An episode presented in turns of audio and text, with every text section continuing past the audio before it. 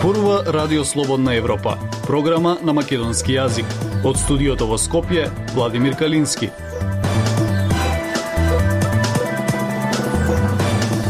Почитувани ја следите емисијата на Радио Слободна Европа. Светот го вклучи алармот поради појавата на новиот сој на коронавирус.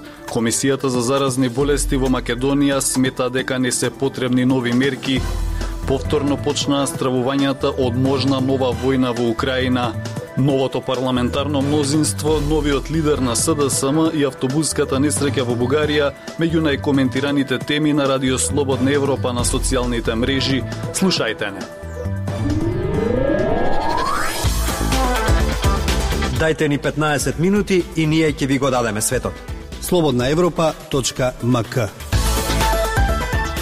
Комисијата за заразни болести донесе одлука дека не се потребни нови мерки поради новиот сој на коронавирусот.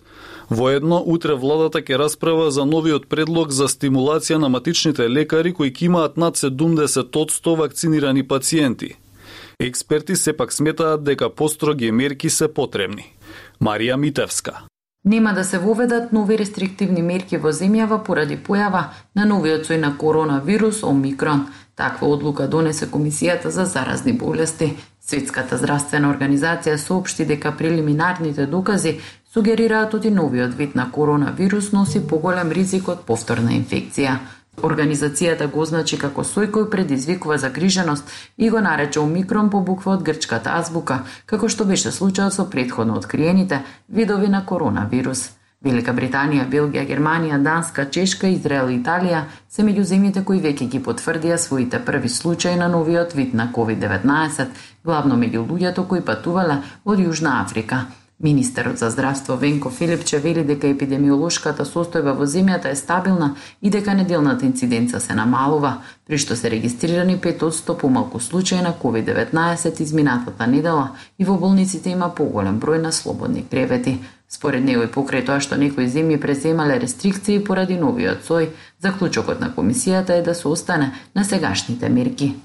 Сметам дека рестрикција некаква во однос на затворање на граници, во однос на карантинизирање на патници кои што доаѓаат од одредени земји нема да даде ефект поради тоа што еве очигледно дека е се детектирани во некои европски земји и до сега видовме дека кога нов сој ќе се појави едноставно не може да се спречи да до се неограничен на една територија било каде во светот. Очигледно дека соеви ќе се јавуваат и понатаму така да остануваме со овие мерки кои што сметаме дека се добро димензионирани се става акцент на вакцинацијата. Професорот и микробиолог Никола Пановски смета дека генерално мерките треба да бидат построги без разлика дали се појавил нов сој на коронавирус. И без сојот во соседството имаше силен бран и се уште има. Така да ако сакаме да го спречиме бранот, сега би требало да се преземат мерки. Кај нас мерките се земаат од која ќе се зголеми бројот максимално и и се секогаш биле задоснати. Освен на почеток на пандемијата која беа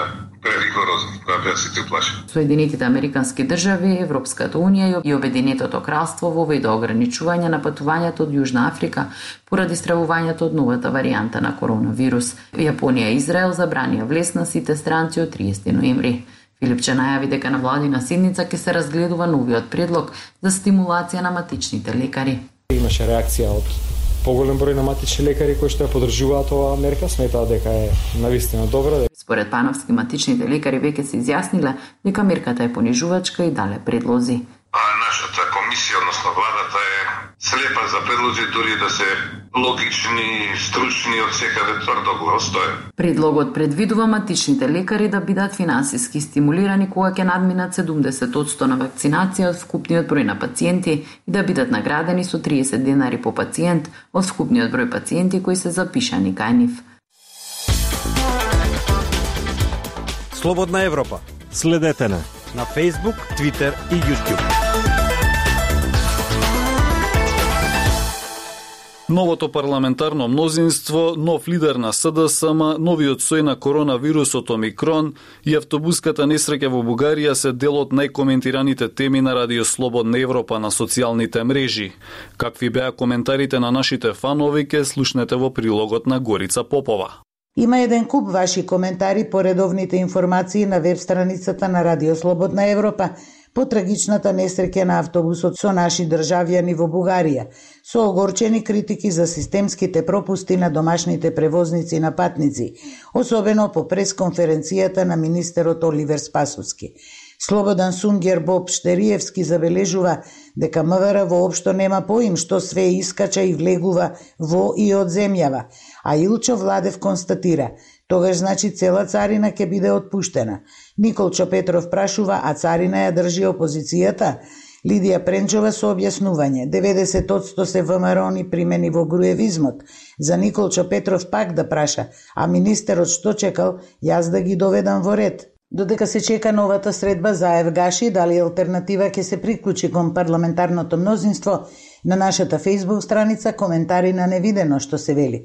Слоданка Камчева вели стари правила нова коалиција, а Дејан Божиновски предвидува циркусот уште долго ќе трае, зошто би заминувал ЗЗ од чело на СДСМ ако на 14 декември започнуваат преговори за влез во ЕУ, веројатно превидувајки дека Заев веќе го напушти кормилото на СДСМ и во партијата почна процедурата на пријавување кандидати за нов председател.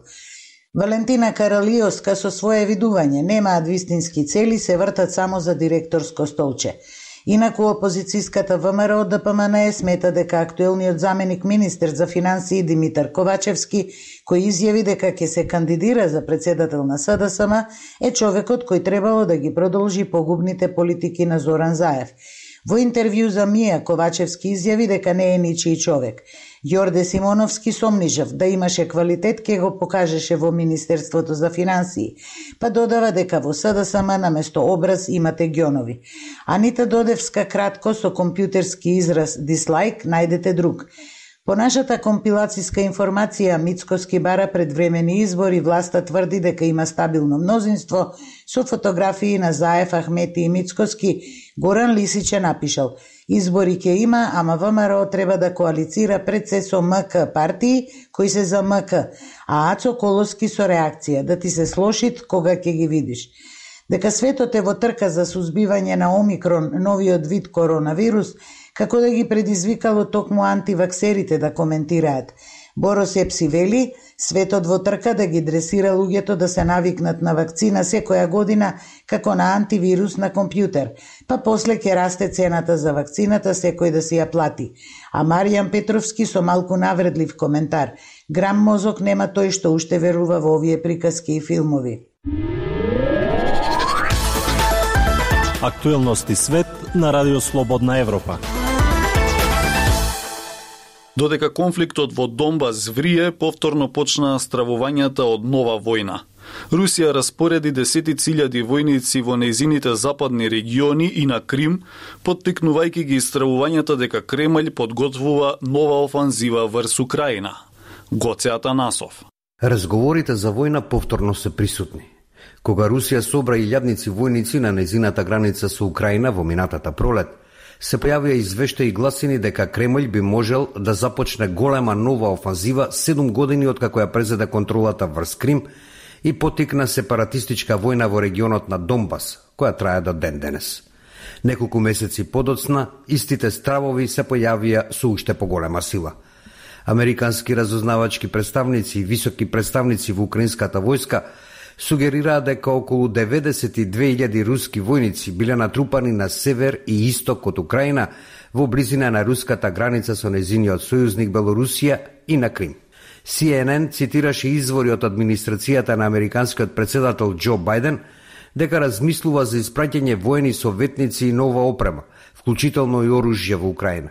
Предходно овој месец американскиот државен секретар Ентони Блинкен рече дека Вашингтон има реална загриженост за евентуална нова онфазива, за која предупреди дека ќе биде сериозна грешка.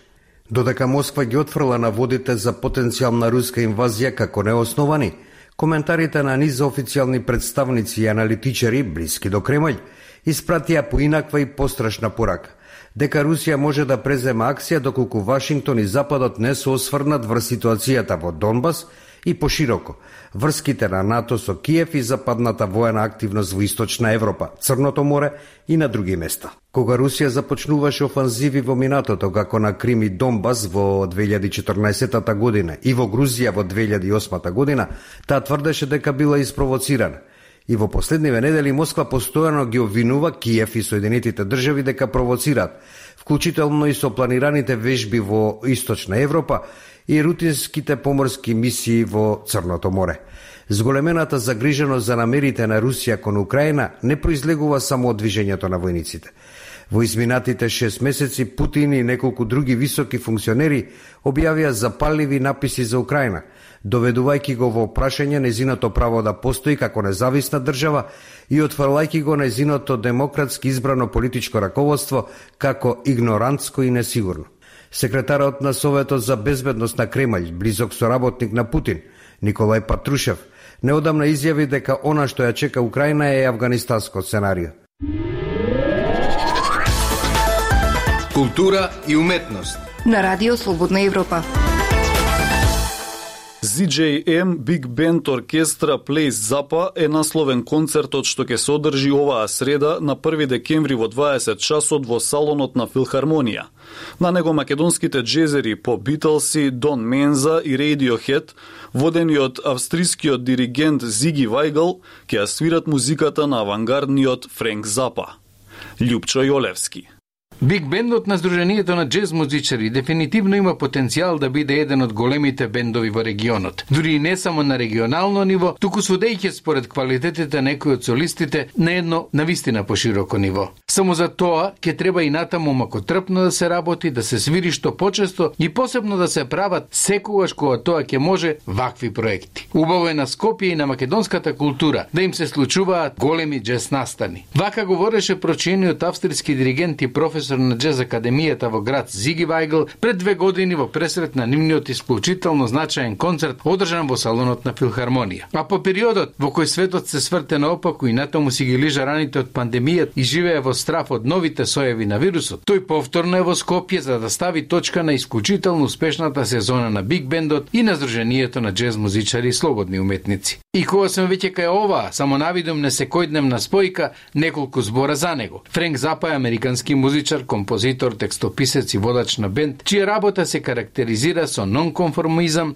импровизација во слободна форма, звучни експерименти, музичка виртуозност и жестока сатира на американската култура. Во својата повеќе децениска кариера, тој умешно се движел на широкиот уметнички простор. Со леснотија ги прескокнувал наметнатите огради и фиоки, свирал рок н рол, джез, фјужн, пишувал филмска и оркестарска музика, дела кои биле сместувани во терминот музички конкретни и конечно запабил и продуцент безмалку на сите 60 на објави издавани со неговиот матичен бенд Mothers of Invention или подоцна како соло артист. Кон овие информации и таа дека Френк Запа еден период експериментирал со биг бендовите во раните 70-ти од минатиот век и повторно за време на неговата последна турнеја во 1988 година, што подразбира дека неговата музика совршено се адаптира за тој тип на изведба.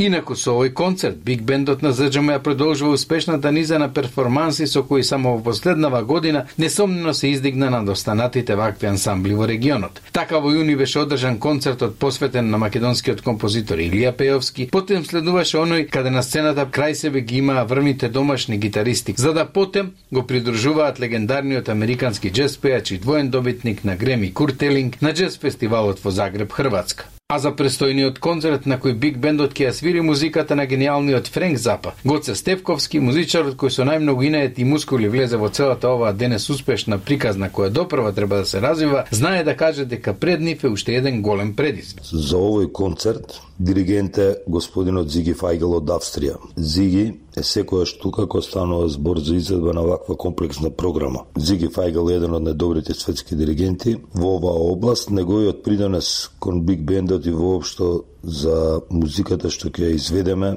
е огромен. Вели Степковски. Почитувани слушатели, тоа е се што ви подготвивме во оваа емисија. Од студиото во Скопје ве поздравуваат Владимир Калински и Дејан Балаловски.